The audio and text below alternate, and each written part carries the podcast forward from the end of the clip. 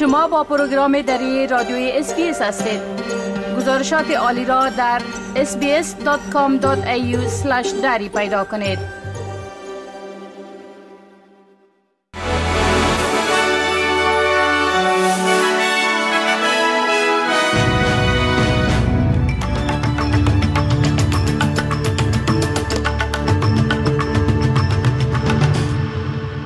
با عرض سلام ما صاحب شکیب شما را به شنیدن مهمترین اخبار امروز 18 همه ماه آگست سال 2023 دعوت می کنم.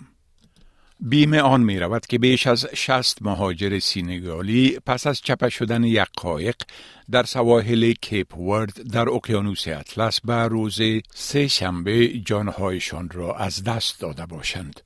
مسئولین کشتی ماهیگیری که توسط شرکت اسپانیایی پیویسا اداره می شود می گویند که این مهاجرین روز دوشنبه در حال پریشانی مشاهده شدند و خدمه کشتی به نجات 38 نفر اقدام کردند و هفت جسد را در نزدیکی کیپ ورد در حدود 620 کیلومتری سواحل غرب افریقا از آب بیرون آوردند.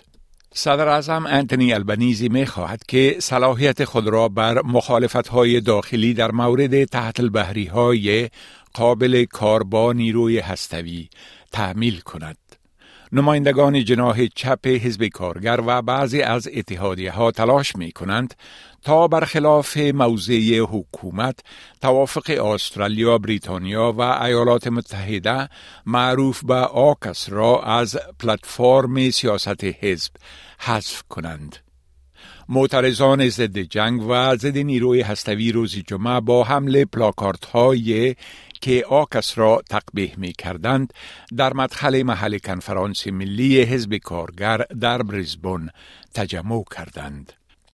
انتظار می رود که بحث در مورد آوردن اصلاحات در نظام مالیاتی در ماهای آینده داغ شود زیرا یک وزیر خزانه سابق حزب کارگر می گوید که استرالیایی ها می خواهند کارهای بیشتر برای عادلانه شدن این سیستم انجام شود وین سوان رئیس ملی سابق حزب کارگر که به حیث وزیر خزانه در حکومتهای رد و گیلارد خدمت می کرد یادآور شده که او همیشه از مفکوره مالیات بر سود فوقالعاده حمایت کرده است. آقای سوان به شبکه ای بی سی گفت که حکومت البنیزی از زمان روی کار آمدنش اقدامات مانند پیشنهاد آمدن تغییرات در مالیات شرکت های چند ملیتی و منابع نفتی را انجام داده است. کشف مواد رادیواکتیو در یک خانه در جنوب سیدنی باعث بسته شدن جاده ها و تخلیه ساکنان شده است. نیروهای سرحدی استرالیا در حال انجام عملیات در Arncliffe نزدیک میدان هوایی سیدنی بود که ایزوتوپ های رادیواکتیو با میزان پایین را پیدا کردند.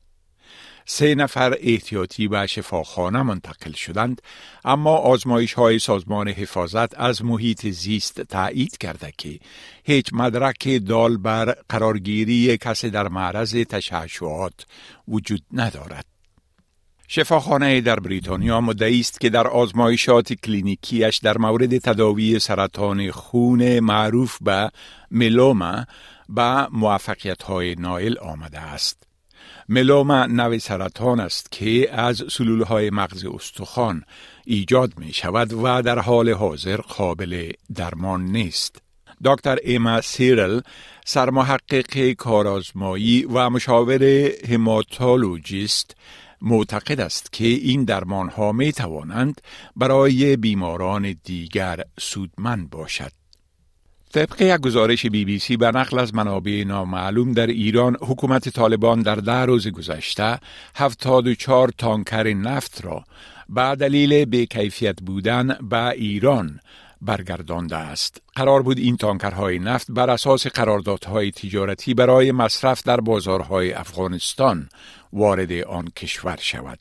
این بود خلاصه ای از مهمترین اخبار از برنامه دری اسبیس آدیو. شما می توانید گزارش های بیشتر درباره موضوعات گوناگون را در وبسایت ما به آدرس sbs.com.au دری بشنوید و بخوانید.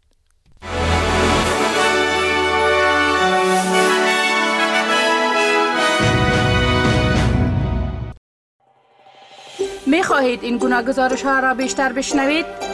با این گزارشات از طریق اپل پادکاست، Google Podcast، Spotify و یا هر جایی که پادکاستتان را می گیرید گوش دهید.